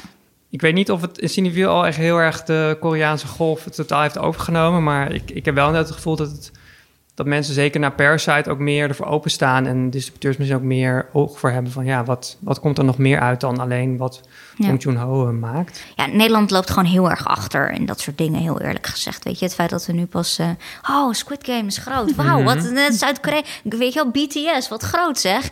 Terwijl dat, ik bedoel, ieder ander land zal je vertellen... ja, je loopt tien jaar achter. Ja. Ehm, dus ja, het is, het is een beetje, ja, waar sta je voor open? Ik merk dat vooral hier in Nederland, als je kijkt naar eh BIPOC, dus mensen met een, eh, eh, hoe moet je dat zeggen, een niet-Nederlands etnische achtergrond, eh, die zijn hier allemaal al bekend mee. Die hebben ook al andere manieren gevonden om die titels te kunnen zien. Het zijn Netflix of een VPN in Ehm, of een account van een eh, neef of nicht in het buitenland. En die kopen dan ook de dvd's en dergelijke. Of die zorgen dat ze de streaming services hebben om, om toegang te krijgen. En het is echt, zeg maar... ja, een beetje dat Col- Columbus-principe. Hè? Zo van, oké, als de Nederlander het niet kent, dan bestaat het niet. Dus ik denk dat we daar inderdaad, vooral in de media en zo, overheen moeten komen. En, en nogmaals, ik bedoel, we zijn meer dan 60, 70 procent van de wereldbevolking als, als Aziaten. En consumeren allemaal Koreaanse content, Zuid-Koreaanse content, Indiase content, eh, Japanse content. Weet je wel, heel veel C-dramas, eh, Chinese drama's zijn tegenwoordig nu ook populair. Als je kijkt naar manga's, anime en dergelijke. Vorig jaar, ik, ik, ik nergens in het Nederlandse nieuws er echt iets over gelezen. Behalve dat, eh, dat ze bijvoorbeeld Spirited Ways. ehm, ehm, Een record bedoel een record, Oh, dat ja. was het woord. Ja. Sorry, ik kwam er even niet op. Maar het Demon Slayer, Kimetsu no Yaiba, is een serie. Daar is de tweede arc van verfilmd. Het heet eh, ehm, Mugen Renshahen of Mugen Train of Infinity Train. Ehm, die is vorig jaar tijdens COVID uitgegaan. Voordat het überhaupt buiten Azië was uitgegaan... hadden ze al bijna een biljoen dollar binnengehaald in de box office. Dat is ongehoord. Daarom hebben ze Spirited Away van de eerste plek als animatiefilm ge- getikt. Maar dit heeft ook heel veel Amerikaanse records verbroken. Als je kijkt naar hoe snel een Marvel-film het bijvoorbeeld doet en dergelijke. Tijdens COVID nogmaals. Hè? Dus er waren heel veel dingen dicht. En dat was voordat ze nog in Nederland uitkwamen, voordat ze nog in Amerika uitkwamen. Die nummers zijn makkelijk daarin bijna verdubbeld. En hoe vaak heb je dat in het Nederland, in Nederlandse nieuws gezien? Dat een, een Ja. Japanse animatiefilm. eh, hè? Het is Stond op eh, cineview.nl. Ja, kijk eens aan. Maar daar is een goede, plek, inderdaad. Maar het, het, het, het, is, het is, heeft heel erg met, ehm, te maken met in welke bubbel leef je. Ja, Ja, zeker. Ja. En is, is jouw informatiebubbel alleen maar Nederlandse Ja. eh, media... dan ga je er nooit achter komen dat, eh, dat inderdaad 80% van de wereld... in een hele andere Ja. staat leeft en hele andere ja. eh, interesses heeft. Ja. Ja. Voor, voor mij is het, zeg maar, in de Cineview-bubbel is het heel erg van... oké, op een gegeven moment was er dan Old Boy Ja. en eh, Memories of Murder. Prachtig. Daarvoor was er vast ook iets, maar dat is Ja. een soort van eh, sleutelmoment. En sinds dat moment is het allemaal omhoog gegaan Ja. tot aan... oh, mijn oma kijkt ook naar Squid Game, zeg Ja, maar. ja. Dus ik- we moeten misschien ook niet overschatten wat NOS... dat is als het op NOS staat of eh, weet ik veel op de radio. Dat, Ja. dat is natuurlijk inderdaad de massa, maar ik denk dat op heel veel plekken ook... ja. Eh, mensen weten al tien jaar lang wie Bong Joon-ho is... en nu wint hij dan de Oscar en dan weet eh, ja, de rest Ja. van, van de wereld Ja. misschien ook. ja. Ehm, Ja, en over Maar- de Hongkong-titels, weet je, titels uit Hongkong of uit Oh ja. Taiwan, weet je wel, als in... ja, Infernal Affairs. Ja, precies. Ja, dat, eh, je hebt daar wel titels, daar kwamen ook al bij de eh Wong Kar Wai podcast achter. Mm. Weet je, ook iemand als Lee of zo, weet je wel, dat zijn toch namen die wel best wel gevestigd zijn, Ja. of heel erg gevestigd. Ja. Ja. Eh, maar die dan vaak wel heel erg die, dat contact op hebben gezocht met het Westen. Ehm, weet je, bijvoorbeeld Wong Kar Wai met zijn connectie met Cannes bijvoorbeeld. Of eh, de release in de VS. Dus dat, eh, daar, dat is wel te verklaren waarom juist die films dan heel veel impact Mhm. hebben. En, maar er staat zoveel nog naast. Ja. weet je Ja. wat alleen maar superleuk is om daar heel erg Ja. open naar te zijn, denk ik dan. Ja. ja, Ja, daar dan, hebben eh, jullie heel veel voorbeelden van gegeven. Ja, ja. Nee, kijk, en om terug te brengen naar ik- dit, dit is de reden om ook naar festivals zoals Ja. Busan te kijken. Want daar kan je, voordat het eerst door de Amerika en de en Nederland filter heen is gegaan... en de kan filter bij wijze van spreken... kan je hier dus al titels ontdekken... Ja. ehm, die eh, ja, mogelijk eh, het jaar daarop in, eh, in de bios eh, te zien zijn. Ja. Ja, heel nice. En anders gewoon eisen. Eis het gewoon voor Ja. Gewoon doen. We gaan distributeurs spammen met de mails, toch? Ja. Oké, dat was hem. Tot zover het filmfestival van Busan en eh, Zuid-Korea. Alles wat daar voor moois vandaan komt. Eh, maar blijf nog even luisteren. Hierna hoor je mij nog even in gesprek met Cedric van Liv. Eh, samen met zijn collega's staat hij vanaf deze week weer voor je klaar met een bomvol festival in de Leidense bioscopen Trianon en Kijkhuis. Eh, Rabia en Maan, alvast heel erg bedankt. Het voelde een klein beetje alsof ik in Busan was. Oh. Eh, en ik ga al jullie tips opzoeken. Ik weet niet of het op YouTube staat of op Netflix... of dat ik inderdaad een VPN moet gaan eh, regelen. Maar eh, ik, ik ga Daar doen we geen uitspraken over om, rondom Nee. om juridische Geen redenen. Ik ontvang wel een appje met de geheime code. Ehm, misschien zien we elkaar volgend jaar wel in het vliegtuig richting Busan, wie weet. Of in de trein. Of in de trein. Train Ja, Busan. dat ik. Ik hoop het niet. Ik heb erin gezeten. Nee, ik hoop het wel. Het is Ja. een heerlijke trein hoor. ja, lekker tijd. Eh, dank jullie wel. Jij ook bedankt. Ja, ook bedankt. Van Busan reizen we nu naar Leiden, want daar vindt van 28 oktober tot en met 7 november de 16e editie plaats van Leiden International Film Festival. Ik bel even over met programmeur Cedric Mures. Goedemorgen Cedric. Goedemorgen. Goedemorgen. Ik ga je zo nog wat meer introduceren, maar ik vroeg me af, het is nu donderdagochtend. Vanavond begint het festival. Heb je een soort van wedstrijdspanning? Is dat als programmeur, werkt dat zo een beetje? Ja, ik heb er heel veel zin in. Eh, ik woon zelf niet in Leiden, ik woon in Utrecht. Dus daar ben ik er nu ook nog. En ik pak eh, over een dik uur de trein. En ja, dan is het letterlijk onderduiken in, eh, in het LIF. En we hebben publieksopeningen waar ik er twee van ga introduceren vanavond. En dan eh, nog een eigen opening en wat, eh, wat formele dingen, speeches, borrels. En, en dan begint het festival gewoon, ja. En, en want jij bent programmeur. Klopt. Zit jouw werk er dan nu zo ongeveer op? Is alles gedaan wat je moet doen? Of zijn er nog dingen die, eh, die lopen? Ja, het programma werkt wel. Dat hebben we altijd, loopt dat ongeveer door tot Toronto. Dat we vaak daar nog wat laatste titels ook van in het programma pakken. En eh, er lopen ook nog wel wat dingen door. Want we, hebben, we halen een aantal makers over naar het festival ook. En eh, regisseurs, producenten van films die we dan ook eh, rondom de film spreken. Dus we doen Q&A's met die mensen na de film. Daar doe ik er ook een paar van. Daar hebben we dan ook weer last minute wat helaas een, een COVID-geval tussen zitten. Dus dat, Oh ja, dat levert ja. dan ook weer wat stress op. Maar eh, nou, er staat heel veel moois klaar. En eh, ik hoop dat Ja. ik tussendoor nog wat tijd heb om een paar dingen, ja, een paar films te kijken. Daar heb ik ook wel zin in. Ja, wat, lukt dat wel? Lukt dat wel om zelf ook iets te zien, denk je? Ja, moeilijk in te schatten altijd. Ik, eh, Mhm.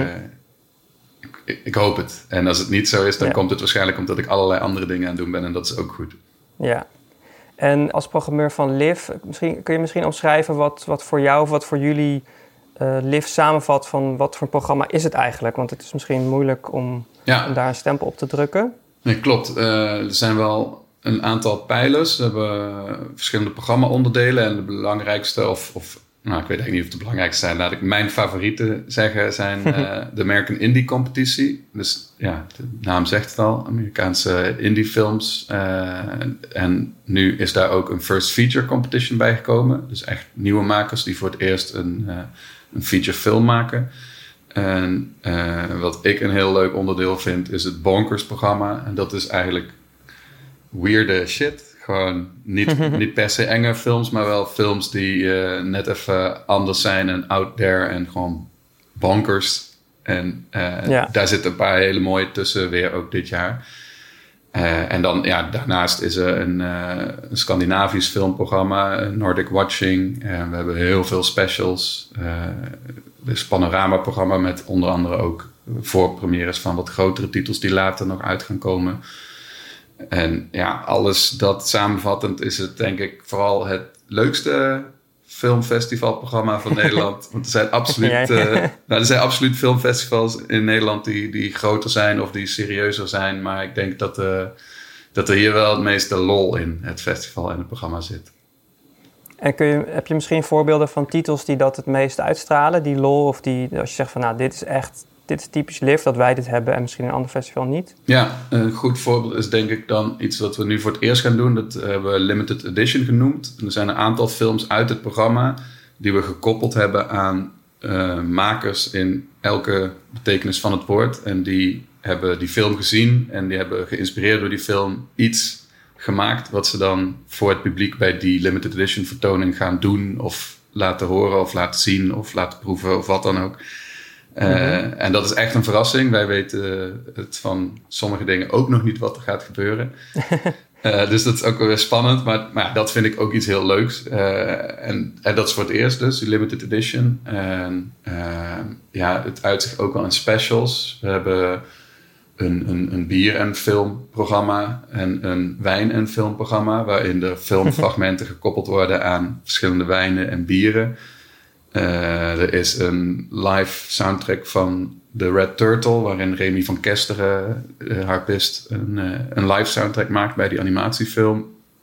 Um, ja, maar ook dat Bonkers-programma is eigenlijk ook een goed voorbeeld van. We hebben ook nog eens dit jaar één zaal als een soort themazaal ingericht. Dus is twee dagen is Lido 3 in Leiden, is de Bonkers Bunker, waar je achter elkaar door al die bonkersfilms kan zien. En een onderdeel daarvan is ook The Cage Cage. Uh, een marathon van alle films die Nicolas Cage in 2021 heeft uitgebracht. Wow. Ja, Is dat, dat er meer dan één? ja, dat zijn er drie. wow. Ja, ja. en ja, dat, dat zijn allemaal denk ik wel dingen die je echt alleen op het lift gaat zien en meemaken. En, Ja. eh, en dat is volgens mij heel leuk. En die, ja, die themazaal die, die verandert ook. Eerst is, eerste weekend is het Bonkers-bunker. Maar het wordt ook nog de Disco Donderdag met eh, alle muziekfilms in ons programma. En eh, ja, zo hangen we daar wat dingen aan op. Dus zit, eh, als ik het zo hoor, zit het voor jullie ook heel erg in wat er omheen gebeurt. Dus niet alleen de titels, maar ook hoe kleed je zo'n zo'n film in eigenlijk? Of hoe... Ja, zeker. En- zeker ja. En, en ja, die, die programma-onderdelen die zijn eigenlijk ook wel een handige kapstok voor het publiek. Omdat ja, het, het festival Ja. duurt elf dagen en er draai je bijna 100 films. En als je gewoon het heel leuk vindt om naar een tof film te gaan die je ergens anders niet kan zien, maar ook niet weet waar je moet beginnen. Als je een programmaboekje met 100 titels op alfabetische volgorde voor je hebt liggen, dan, dan is Ja. dat wel een goed begin. Want dan heb je in ieder geval al een soort van pijlers om je op te richten. Ja, en eh, als, jij, eh, als jij programmeert, eh, heb je dan ook meteen in je hoofd van... oh, deze film is heel tof voor de- dit programma... of deze film is heel erg geschikt voor een, voor een leuk rand, randprogramma? Ja, soms wel. Het begint eigenlijk meestal bij het kijken van zo'n film echt puur of het een ja of een nee of een misschien is. En Ja. soms zijn die, die, die twijfelgevallen ook juist heel erg tof. Want we, zijn, eh, we hebben dit jaar het programma met een commissie gemaakt van eh, vier, vijf mensen. En die discussie soms is juist heel waardevol. En, en natuurlijk is het ook heel fijn als, als het een no-brainer is en iedereen zegt: ja, dit moeten we hebben. En dan is het een kwestie van kijken of dit lukt om die titel te krijgen. Maar ehm, ja, ook daar heb je soms eh, ja, die American Indie Competitie. Wat ik daar heel mooi aan vind, aan puur dat genre, als je dat een genre mag noemen, is dat het heel vaak, ehm, heel vaak zijn het films die vooral draaien en drijven op een goed idee en een creatieve visie van een regisseur. En niet op een budget dat per se heel groot is of, eh, Ja. of een studio die daarachter zit. En dat levert heel vaak heel, eh, heel originele en creatieve titels op. En dat vind ik heel vet. En daar zit soms ook Ja. wel overlap in. Eh, we hebben dit jaar bijvoorbeeld een film in het Bonkers-programma. Die heet John and the Hole. En die gaat over een jong jongetje dat zijn zusje en zijn ouders eh, drogeert. En ze in een enorm gat in het bos waar hij woont stopt. En zij worden daar wakker en hij eh, heeft het huis voor zich alleen. Ja, de- die hele film speelt zich af in dat huis en in dat gat waar zijn familie dan zit. en Ja, ik vind dat een van de, van de ja, spannendste titels die, die, die er draaien dit jaar. Dus dat is daar wel Ja. een goed voorbeeld voor. en eh, want je zei ook van eh, dat je dus met z'n vier of met z'n vijven bepaal je eigenlijk welke film het wel of niet wordt. Klopt dat? Ja. Heb ik dat goed begrepen? Wat, is dan, wat zijn dan de sterkste argumenten? Waar, waar wordt dan het meest over gediscussieerd? Eh, ja, je hebt natuurlijk, iedereen heeft zijn persoonlijke voorkeur. En je hebt een beetje die programma-onderdelen. eh, en, en dan het vage gebied is eh, soms of het een liftfilm is of niet. En Mhm. ehm, eh, nou, ik, ik, ik ben een beetje de new guy. Ik ben me een jaar of vier geleden met het lift gaan bemoeien. En inmiddels dus, dus een van de programmeurs. Dus ik ben daar nog het makkelijkst in over te halen. Ja, Maar, maar ehm, ja, het is ook heel erg leuk. Ik heb heel erg veel zin nu. Het festival echt begint vandaag. Om, eh, want het- de, de competities die we hebben zijn dus publieksprijzen. Dus het publiek stemt na het zien van de film. En aan het eind van het festival worden daar die prijzen eh, op uitgereikt. Ik heb heel erg veel zin om te zien wat mensen nu van welke films vinden. Want het kan natuurlijk ja. totaal anders zijn dan, dan, dan wij verzonnen hebben of, eh, of, of bedachten. Ja, ik, ik ben ervan overtuigd, er staat een supermooi programma en mensen gaan er heel veel plezier aan beleven. Maar ik durf nu echt niet te zeggen welke films, welke competities gaan winnen. En dat vind ik ook wel heel erg leuk. En ehm, heb jij dan één film of misschien twee in de, in de race waarvan je zegt, nou, ik hoop echt dat die, eh, die heb ik zeg maar ontdekt of die heb ik, eh, daar heb ik mijn eh, hand voor in het vuur gestoken. Welke, welke film zouden dat dan zijn? Oh. Dat is een lastige hoor. Nou, ik weet wel, ik kan wel een, ik kan wel een film tippen die misschien, omdat die totaal niet bekend is, wel eh, vooral niet vergeten mag worden. Of ja, daar heb ik eigenlijk wel twee voor. Eén waar ik nu aan moet denken is eh, namelijk ook een film waar de eh, de, de makers van overkomen. Eh, de, de, de regisseur en de producenten. Het is een heel bijzondere film. Die heet eh, Death of a Virgin or the Sin of Not Living. Dus een film uit eh, eh, Libanon. En het is ook eigenlijk heel erg indie. Het is gemaakt met een super kleine groep mensen. Voor een deel zelfs in het geheim daar. Eh, de deel van de karakters in de film zijn gay. En dat is eh, daar nog totaal omstreden. Absurd, maar waar. En eh de, regisseur heeft het verhaal geschreven en heeft vier jaar met de mensen die hij bedacht had dat het moest gaan spelen gerepeteerd. Eigenlijk deels omdat ze het niet voor elkaar kregen om die film echt te maken. Uiteindelijk zijn ze toch gewoon gaan filmen. En eh, toen ze klaar waren, brak daar een revolutie uit. Waardoor ze ook nog eens 48 uur vast hebben gezeten in, in het hotel waar, het laatste, waar, de, waar ze de laatste scène aan het opnemen waren. Ja, dat is dan echt zo'n verhaal. Ik ben heel Ja. blij dat die makers komen om dat ook te vertellen, om daarover te praten. Want dat geeft echt zo'n nieuwe laag aan die film. Terwijl het al een hele mooie film is. Eh, het gaat over dus vier jonge vrienden eh, die hun jongste vriend, eh, om, om hem een echte man te laten worden, eh, meenemen naar een prostituee. En een groot deel van de film is eigenlijk de weg daar naartoe en hun gesprekken met elkaar. En de camera die, die, die beweegt soms op een soort Terrence Malick-achtige manier om hun heen. En wat heel bijzonder is, is dat je van iedereen die je in de film ziet, dus ook die hoofdrolspelers, maar ook gewoon mensen die ze toevallig tegenkomen in de bus, eh, daar hoor je hun gedachten van. En eh, die mensen die, ja, die vertellen eigenlijk heel kort hun eigen leven. En daar beweegt de film langs. Heel irritant om dit uit te leggen, want je moet dat echt zien. Moet Eh, het zien, ja. maar dat, dat is een hele mooie. Die moeten, Ja. ja. die moeten mensen echt gaan kijken. En die komt ook verder niet uit. Dus die kun je ook gewoon niet ergens anders zien. En dat vind ik heel bijzonder aan zo'n filmfestival. Die meerwaarde. Ja, er zit heel veel moois in. Zola draaien we. Een nieuwe film van Janixa Bravo. Die helemaal gebaseerd is op een, eh, een, een Twitter-thread. eh, van een Oh, paar ja. jaar geleden. Die viral ging Ja. over twee strippers. Die een belachelijk weekend mee hebben gemaakt. En zij heeft dat verfilmd. Wat ook al redelijk uniek is. Nou, wat bekendere titel, De Souvenir 2. Eh, Oh ja, wat ja. Misschien niet per se een makkelijke of toegankelijke film is. Maar ik zag die in Cannes. En ik vond deel 1 al prachtig. En dit gaat daar gewoon echt overheen. Of ik, ja, eigenlijk zie ik het als één film. ja. Heel mooi. Ik heb hem toevallig ook in, in Kant gezien. En ik vond één was inderdaad wat, misschien wat zwaarder. En dit voelde bijna als een soort feel-good film vervolg. Dus als mensen Ja. afgeschrikt raken, het waren door, door één. Deel twee is inderdaad echt eh, prachtig. ja, precies. Ja. Ja. Ja. Ja, volgens mij komt die ook helemaal niet uit. Dus Nee, ik heb Dat het nog is- niet gezien op de releaselijst. Dus mensen moeten hun, hun kans eh, grijpen. Ja, echt ja, mist Ja. het niet. Ja, en een, een peak American indie film die we hebben, die heet Shithouse. En die is gemaakt door Cooper Rave, of ik hoop dat ik zijn naam goed uitspreek. En ja, dat is een hele jonge eh, regisseur en hij heeft de film geschreven, geregisseerd. Hij, spreekt, hij speelt de hoofdrol. Eh, hij, heeft, hij heeft alles rond die film zelf gemaakt. En eh, het, het is een beetje high school, Amerikaans high school-achtig, maar dan niet een flauwe comedy, maar ook niet een coming of age, maar iets daartussenin. En Oh ja. eh, ja, ook een hele toffe titel die eh, eerder op South Southwest een prijs won. Ja, zou ik ook nog wel even doorgaan? Ja, nee, volgens, mij, we hebben- volgens mij hebben we nu een goed idee. En inderdaad ook wat je zegt, er zijn ook echt films die, gewoon echt niet, die je echt nergens anders gaat zien.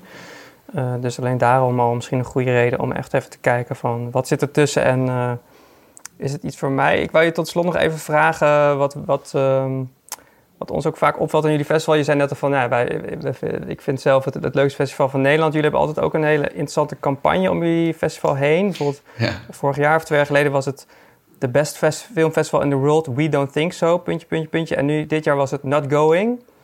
Wat, Ja. wat zit erachter? Wat, weet jij daar meer van? Wat is het idee eh, achter die ja, opvallende... Ja, Ja, je, je schreeuwen niet van de daken dat jullie het beste festival van, van de wereld zijn, maar... nee, juist toch ook dat, dat, dat speelse en die humor en die lol. Want dat is het ook. Ja, eh, Liv is waarschijnlijk niet het beste filmfestival van de wereld. Maar eh, je kunt er wel naartoe om, om dus en heel veel lol te beleven en heel veel goede films te zien. En ja, vorig jaar was een beetje een gek jaar natuurlijk. Ja. Dat het festival grotendeels online heeft plaatsgevonden. En eigenlijk zou vorig jaar de, de 15e verjaardag van het LIF zijn. Dus toen hebben we er vorig jaar de 14 en een halfde editie van gemaakt. Dus dat was ook weer zoiets. En ja, dit jaar eh, is die Not Going campagne die is gebaseerd op dat er, eh, ik moet even spieken, hoeveel mensen wonen er op de wereld? 7,8 biljoen hebben we opgeschreven. Miljard dus. Miljard. 7,8 miljard mensen die gaan, die gaan dit jaar sowieso niet naar LIV. Maar eh, misschien jij wel. Ja, als je uniek persoon, jij, jij wel naar, naar Liv. Jij woont misschien, eh, wij wonen in de buurt van Leiden, dus wij kunnen er naartoe. Ja, Ehm. precies. Ja, nee, maar dat is het ook. Ik, ik zei al eerder dat ik dus in Utrecht woon. En ehm, wij zijn zo verwend in Nederland. Het is echt Ja. vanuit... Het is, ik, ik moet dadelijk een half uur met de trein. Volgens mij is het hetzelfde vanuit eh, Amsterdam en Rotterdam. En Leiden heeft een heel, eh, heel klein mooi stadscentrum... waar die bioscopen allemaal op eh, loopafstand van het Centraal Station af liggen. En daar zie je dus films die je verder nergens in Nederland in de bioscoop gaat zien. Dus ik, Ja. ik ben daar heel blij mee. En op die manier ben ik ook bij het festival terechtgekomen. Dan rijdt hier even een politieauto langs. Gevaarlijk in Utrecht. Ja. Eh, Oké, nou ga je, ga je klaarmaken voor, de, voor die reis van een half uur... en dan lekker films kijken vandaag en mensen, mensen spreken en feestje vieren. ja, Dank voor je tijd. heel graag gedaan. Ik hoop dat ik eh, heel veel mensen die dit eh, horen en nog langskomen zie, spreek me gerust aan. Ik, zal er, Ja. ik ben er heel veel. Er komen heel veel cinefielers jullie kant op, weet ik. Dus dat, eh, de Leuk, pashouders hebben flink gereserveerd. Dus dat komt tot mij helemaal goed. Leuk. Dankjewel. En veel Heel graag gedaan. Thanks. Tot zover deze Cineview podcast. We hebben alle films en alle andere tips die voorbij zijn gekomen in een mooi lijstje gezet. Die vind je terug in de show notes. Kun je nog iets moois uitzoeken om zelf ook te gaan kijken. Eh, bedankt voor het luisteren en tot over drie weken. Doei!